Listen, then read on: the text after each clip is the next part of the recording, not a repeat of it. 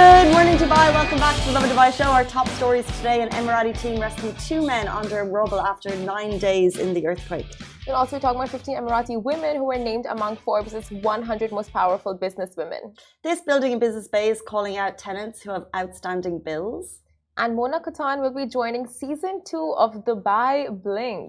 And do stay tuned because later in the show we're going live with MS Talks 2.0 episode 3, an emotional roller coaster how to divert from the road. That's all coming up later in the show. But first of all, uh, I don't know what you were doing last night, but if you were watching You, season four dropped on Netflix and Simran has thoughts. Oh, yeah. So part one of season four dropped on Netflix earlier this week.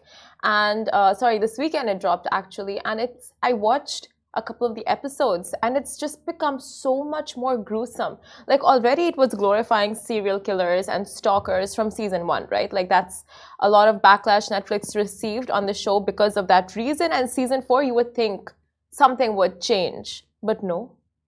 It's glorifying it even more. Like there's a scene right where penn badgley is literally chopping up body parts and Cardi's Cardi B's music is playing in the background. Mm. You know, it's like really desensitizing you to such gruesomeness. That's what I was going to say because I'm trying to remember the types of horrors that we watched growing up and the whole thing of anything you watch horror, it's, it's a shock and awe. Yeah. So whenever people go in to create these things, it's like if, if it's similar to last season, you need to kind of amp it up or else you don't retain the viewership. People move on, they move on to different storylines. So it's actually the role of these creators to look for more gruesome, horrific scenarios, and they're clearly doing it because, as you're saying, is it's more shocking than ever before. Yeah. And we as humans are becoming desensitized to it, which is not okay. Exactly. And the problem with this show is that specifically, right? Like you are trying to, they're trying to make you empathize with the main we like him right? a little bit, don't we? We Yeah. like him. Why is that? like they give Joe you Goldberg. reasons to empathize with him and really like uh, relate to the protagonist and like give give you reasons as to why what he's doing is justified so you're just like somewhere you're rooting for him knowing what he's doing is so messed up and so wrong yet you're like subconsciously on his side you know it's like that's what's so psychologically i think confusing to the viewer like you just don't understand exactly where your thoughts are Well, you're on his side. Yeah. Apart from the murder maniac type situation, because you kind of understand the love thing because he's Yeah. like, "I'm doing this for you. I love you. You are part of me. You are everything." And it's all it's all about the other person, which you kind of get if you're in love. No but not the not the murder maniac bit. Uh, yeah. So then he goes too far. now I haven't seen season four, so I don't really know what I'm talking about. But I've seen the other seasons. But literally, you know, there are scenes where the women are running away from him and they're like, no, Oh. but you murdered, you know, you are a killer. And he's just like, yeah, but I, like you said, I did it for for you. you. and then they're just like, no, you killed someone. And it's like, And the U's change, by the way. The so season one, it's you, and then next season, it's you, and then the following season, it's you. and it's just like, you, as a viewer, I'm just like, yeah, like listen to him. He's doing it for you, you know, like you're so unappreciative, ungrateful. Like, what's wrong with you? But it's like, what? No, it's not what's wrong with you. It's wrong. It's with, it's what's wrong with us as viewers. and yeah, and it's it's so interesting because what they do in the show is they make how he and whatever woman he's into at the time, how they're going about the the murder is nearly normal. And it's like you don't see the switch in their head where they're thinking, okay, now I'm going to commit murder because they do it so naturally and so organically that you're like, how have they just developed into this psycho, basically? Yeah. So it's like, oh, I own a bakery and now I've got a body chopped up downstairs. And it's and it's all very normal. And then you're watching it. Anyway, I don't like them. It's too much. It's too much, yeah. And we know like this. Uh, I think the streaming platform's whole obsession with like uh, serial killers, right? Like they've had multiple documentaries on serial killers, and now, but um, what's his name? Penn Badgley is also like pretty much. He's put his statement out there, and he's like he condemns uh, a lot of what's shown on the show, and he condemn like the show is basically condemning Joe's actions, but you don't really see that right? It's more empathize, empathizing with his actions. Weird one. Yeah. Um, there's a lot more sanitary things you can watch on Netflix. That is for sure. Uh, let's jump into our top story. An Emirati team rescued two men under rubble nine days after the earthquake. Uh, so our thoughts and prayers are with Turkey and Syria and its people, where the death toll following the horrific earthquake has surpassed thousand people. Now, in rare cases, rescue teams are still finding survivors, which is amazing. And Colonel Khalid Al Hamadi, commander of the Emirati Search and Rescue Team in Turkey, announced that the efforts of an Emirati search and rescue team squad succeeded in cooperation with the French rescue team in saving two people from Kahramanmaras as part of the UAE's Gallant Knight 2 operation. So, two men are 19 and 21 years old and rescued nine days after they were buried under the rubble following the earthquake that struck on 6th of February. Now, Al Hamadi noted that the area is being surveyed by the police dog unit of Balurism and uh, the team, and of course, followed by another survey by an area, the Emirati team, to ensure that no other survivors are trapped. He indicated that there is still hope of finding survivors, and he also pointed out that the rescue and search team's efforts have contributed to saving many lives during the past few days. And if you have any, if you need any information in terms of donations, Emirates Cres- uh, Red Crescent are ongoing a two-week campaign here in the UAE, and you can get in touch with them in terms of uh, goods that you may wish to donate or money. Uh, let's move on to our next story. We're talking all things Dubai Bling, season two. Now, season two has been confirmed, like you guys know, and Mona Kattan will be joining it as of the next season. Now, looks like another friendly face will officially be joining the dazzling Dubai Bling season two. Simona Kattan has confirmed that she will now be a part of the Netflix reality show, which aired back in October 27, 2022, and that revolves around the lives of some of Dubai's wealthiest individuals. Now, Mona Kattan, of course, needs no introduction, but for those living under a rock, Mona Kattan is an entrepreneur and co founder of Huda Beauty, a cosmetics company that she started with her sister Huda Kattan in 2013. She is also involved in various philanthropic initiatives and has been recognized for her, her, contributions to the beauty industry, obviously. And now we'll see more of the beauty mogul on the show that didn't disappoint last season with drama and fashion and more drama. Season two of Dubai Bling's release date is yet to be confirmed. We know it's happening. We have a sneaky suspicion it's filming right now. Mm-hmm. How do they keep the filming under wraps? That's what I want to know. Like, unless you follow the stars on Instagram and you might notice like they're getting. I remember following Kris Fade and I saw he was getting his makeup done professionally quite regularly last year. Yeah. Like, What's that for? And you knew it was something, and then you never saw what he was filming for. So you need to like follow and uh, keep an eye if you're interested in season two. You know what? I think last year we had so many hints and drops and this and that as to like, okay, something is happening, but let's not get into it until it's official. But now, you know what? Like, why? why wait? Like, as soon as we see it, like, just go and snap it, grab it, you know, like ask figure us, out what the questions are, put the puzzle like, pieces together. What's Mona's storyline going to be yeah. like? I'm sure her husband's going to feature on the show. Does that mean Hood Huda's going to be on the show? Exactly. You know what I mean? You're asking all the right questions. So you're going to see probably more of the Kattan sisters, and we know they're like somewhere into reality shows because they have their own a couple years ago, the right? Facebook series the or Facebook a separate series. one? Yeah, yeah, that I one. remember that one. Yeah. And it was all about the sisters, and I think just like uh, you know, like the BTS of the business. We love a sister mogul beauty business. It's like 100%. yeah, they're such power, power females. We love them, and we love like them showing even more of their behind the scene lives because it's so incredible what they've done. They're an international beauty brand. They're based here in Dubai. It's such an incredible business story. Um, and they just seem like incredible. I had the opportunity, I ran into them once, I ran into Huda and Mona once, that's six years ago. They were so nice, loved them, um, so natural. And yeah, I just can't wait to see them on this show. And very humble beginnings, and you really see that. Like, I've never met them, never been that lucky, but like, I think just on social media, the way they just portray themselves, like, they're funny. Yeah, and seem like very chill, down to earth, you know. So it's they don't I, take anything too seriously. You know what I mean? And yeah. that's what I like. Yeah, yeah, exactly. So it's like seeing that chemistry with the rest of the cast, and you know, like seeing how if they're, you know, like how it works. It's interesting. But that's what was cool about Dubai Bling season one because I think the characters really did stay predominantly themselves. Like Saf and zayda are already friends. Yeah. Um, beforehand, and for example. Groups but like the, the kind of individual cast members, it's not like they tried too hard to like ingratiate themselves on the other groups. They just like they were like, I am me. Um, yeah. I think the only connecting dot was probably Kris Fade. Between all of them, because he knew everyone. Yeah, and he wasn't like really feuding with any of the groups. He was just like there, and then he would call every like I think during his, um, I think uh, you know get-togethers. That's when everyone really united. Oh yeah, because he was the, the link together. between all of them. Yeah, that's true. I don't know. But it's interesting to see like how she's gonna either change or add to the dynamics. So and Yeah. whether or not there'll be more people joining. Of course. Fresh meat, they called it. um, let's jump into our next story. This building in Business Bay is calling out tenants who have outstanding bills. No one likes to be called out, especially if it's in public. But what if you were being called out in front of your neighbours? A building in Business Bay is under fire for calling out its tenants for their unpaid bills, and they've done it publicly in the form of a piece of paper smacked up on the wall. I mean, oh, that's messed up. So some apartments were called out for final reminders, and others were told that they would be disconnected in a public document that shows the apartment number, the number due, and the status. I feel like that is such a mm-hmm. breach of privacy.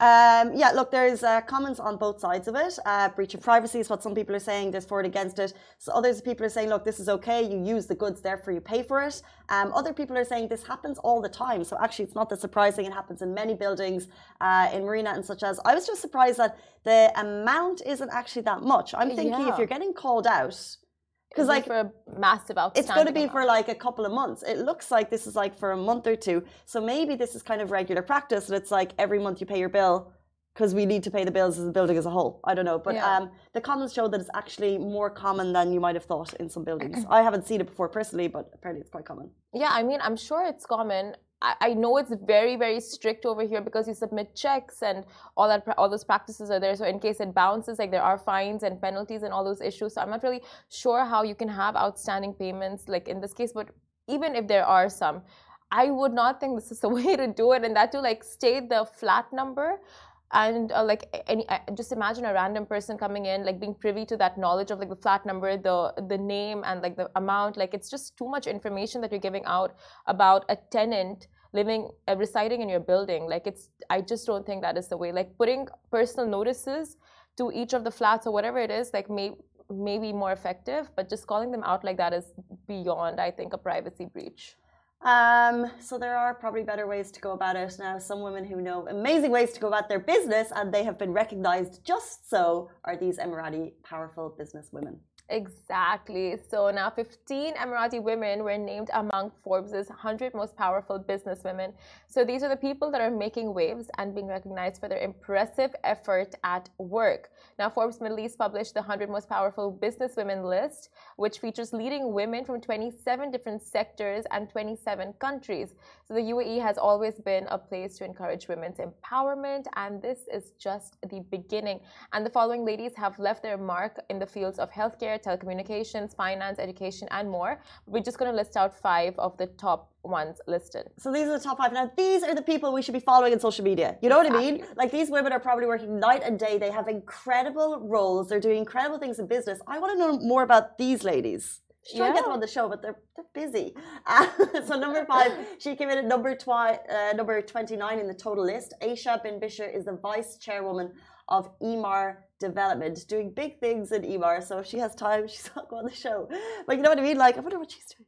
honestly just like following them i feel like it's such an inspiration like anything they post out and i'm sure uh, you know you can take a lot from these women and uh, coming at number 24 you have raja al mazrouei now raja is currently serving as both the managing director and acting ceo of Etihad credit insurance And then number 11 in the list, but number three in Emirati female power businesswomen, uh, Mariam Al Suwaidi. In October 2021, Mariam Al Suwaidi is, excuse me, Mariam Al Suwaidi was appointed as the CEO of SCA through a federal decree, making her the first woman to hold this position in the Gulf Cooperation Council. Um, making waves now. Uh, for number two, we have Raja Essa Al Gurg. Now, Raja Essa is the chairperson and managing director of Essa Salah Al Gurg Group. And in number one, not just here in uh, in the region, across the region as a whole, in Forbes 100 most powerful businesswomen, is Hana Al Rostamani, who's the group CEO of the first Abu Dhabi bank and first female CEO of FAB in 2021. Uh, so incredible female there to follow um, there on the list. And uh, if you want to see the full list of Emirati females, which featured. You can check it out on Lovin Dubai. Farah Mahlouf wrote an amazing article on it uh, over the last couple of days. Exactly. So you have the full list of the 15 uh, women that made the list on that in that article, and it's just so impressive. Like a big congratulations to these ladies and uh, the amount of work and efforts they've put in, and that too many on the list are like the firsts in their fields to do this, to do that, to top that. So it's just such an inspiration knowing that this is possible, that women are making waves, they are really trying to break the glass ceiling. So um, like major kudos. Very well said. Um, next, we're going to jump into MS Talks 2.0, Episode 3, an emotional roller coaster, How to Divert from the Road. MS Talks 2.0 is a collaboration between Lovin Dubai and Novartis. It's a 10 episode series which brings together experts and members of the community to bring awareness to multiple sclerosis. Now, in this episode, we attempt to navigate the difficult journey of diagnosis under the guidance of Muna Al Harbi, who is an MS patient advocate, member of the National MS Society, and transformational and personal growth coach. Stay tuned, she's going to be with us right after this.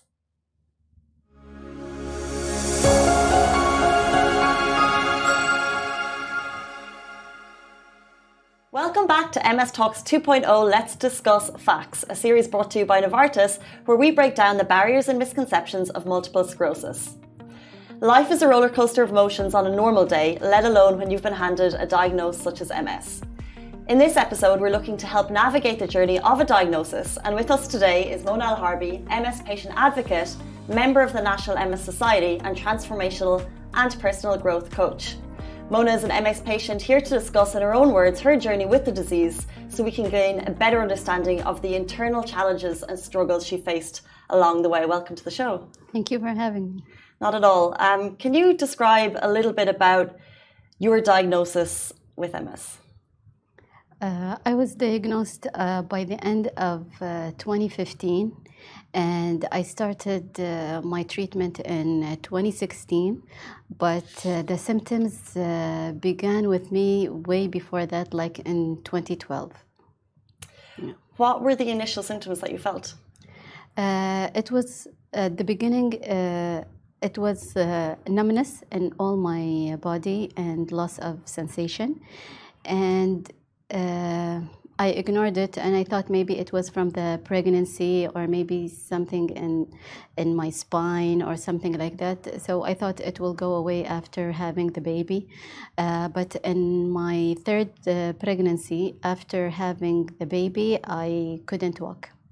I was basically crawling on the floor and that uh, shocked me and but still because of lack of information and because i didn't know anything about this disease uh, i thought it was uh, like something about uh, giving birth and pregnancy issues. And uh, i ignored it uh, for like around one year until i went to get checked up and they told me that i have ms wow and what was can you remember that day uh, yes, I remember it very clearly because I I went to five doctors actually until uh, I was uh, accepting my diagnosis, uh, and because I didn't know anything about this illness, uh, I thought like if I go to another doctor, he will give me a cure and I will be okay and I will go back to my normal life, and it's it's it was all because I didn't know anything about this disease, and then when I slowly learned about it and I started to accept my diagnosis. Uh, I I went uh, through all that uh, phase, you know, the phases that uh, people go through, like the denial and the depression and the anger.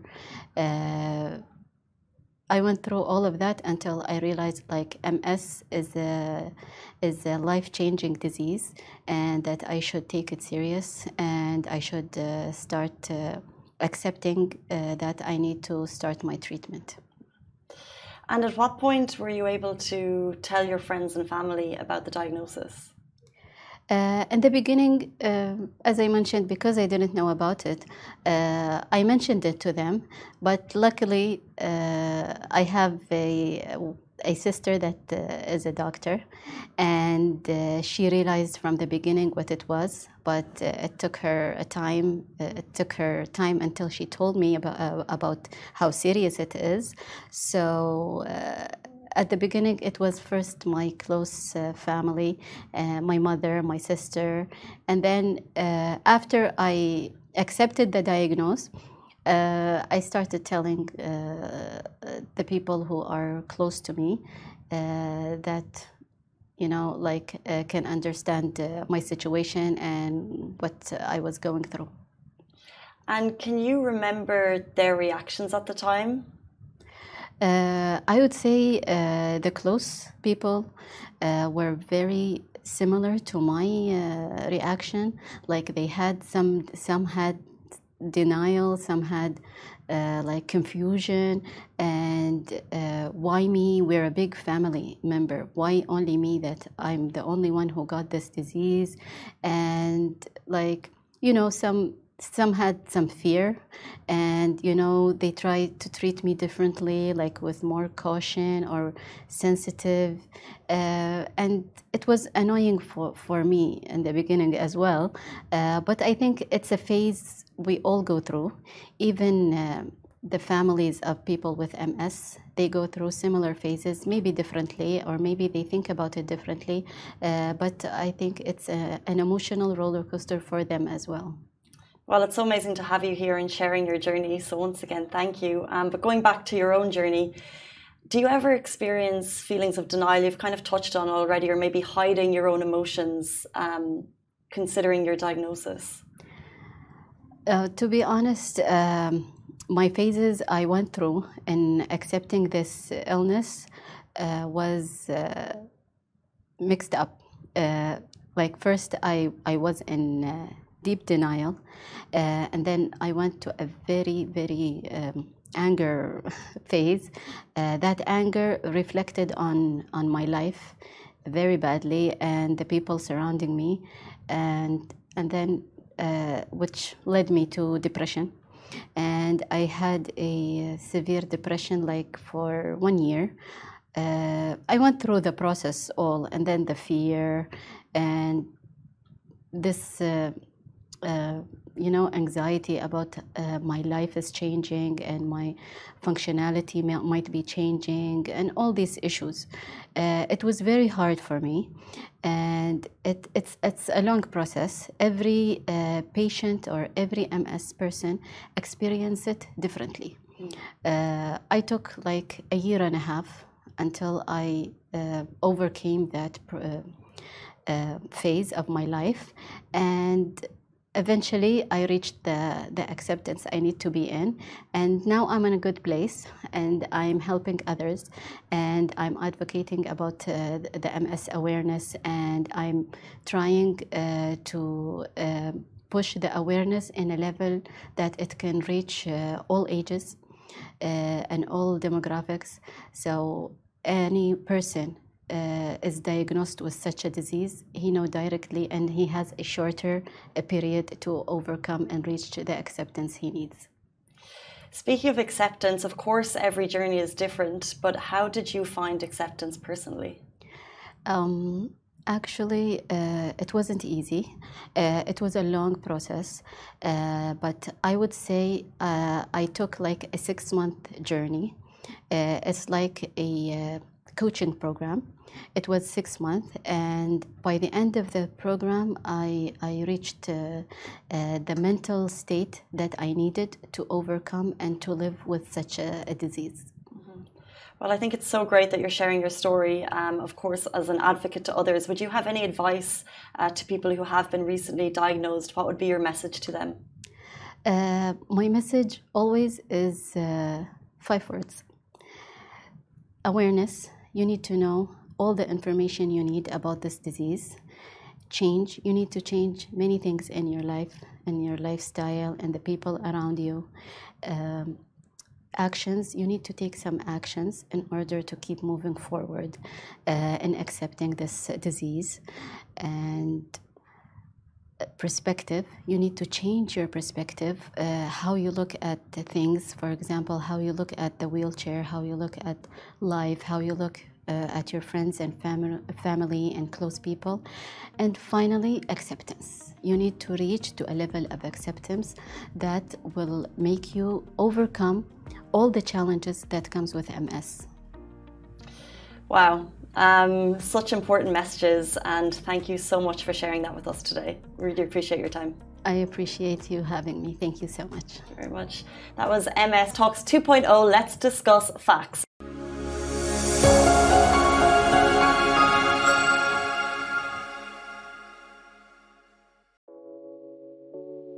This show is brought to you by the Augustus Media Podcast Network.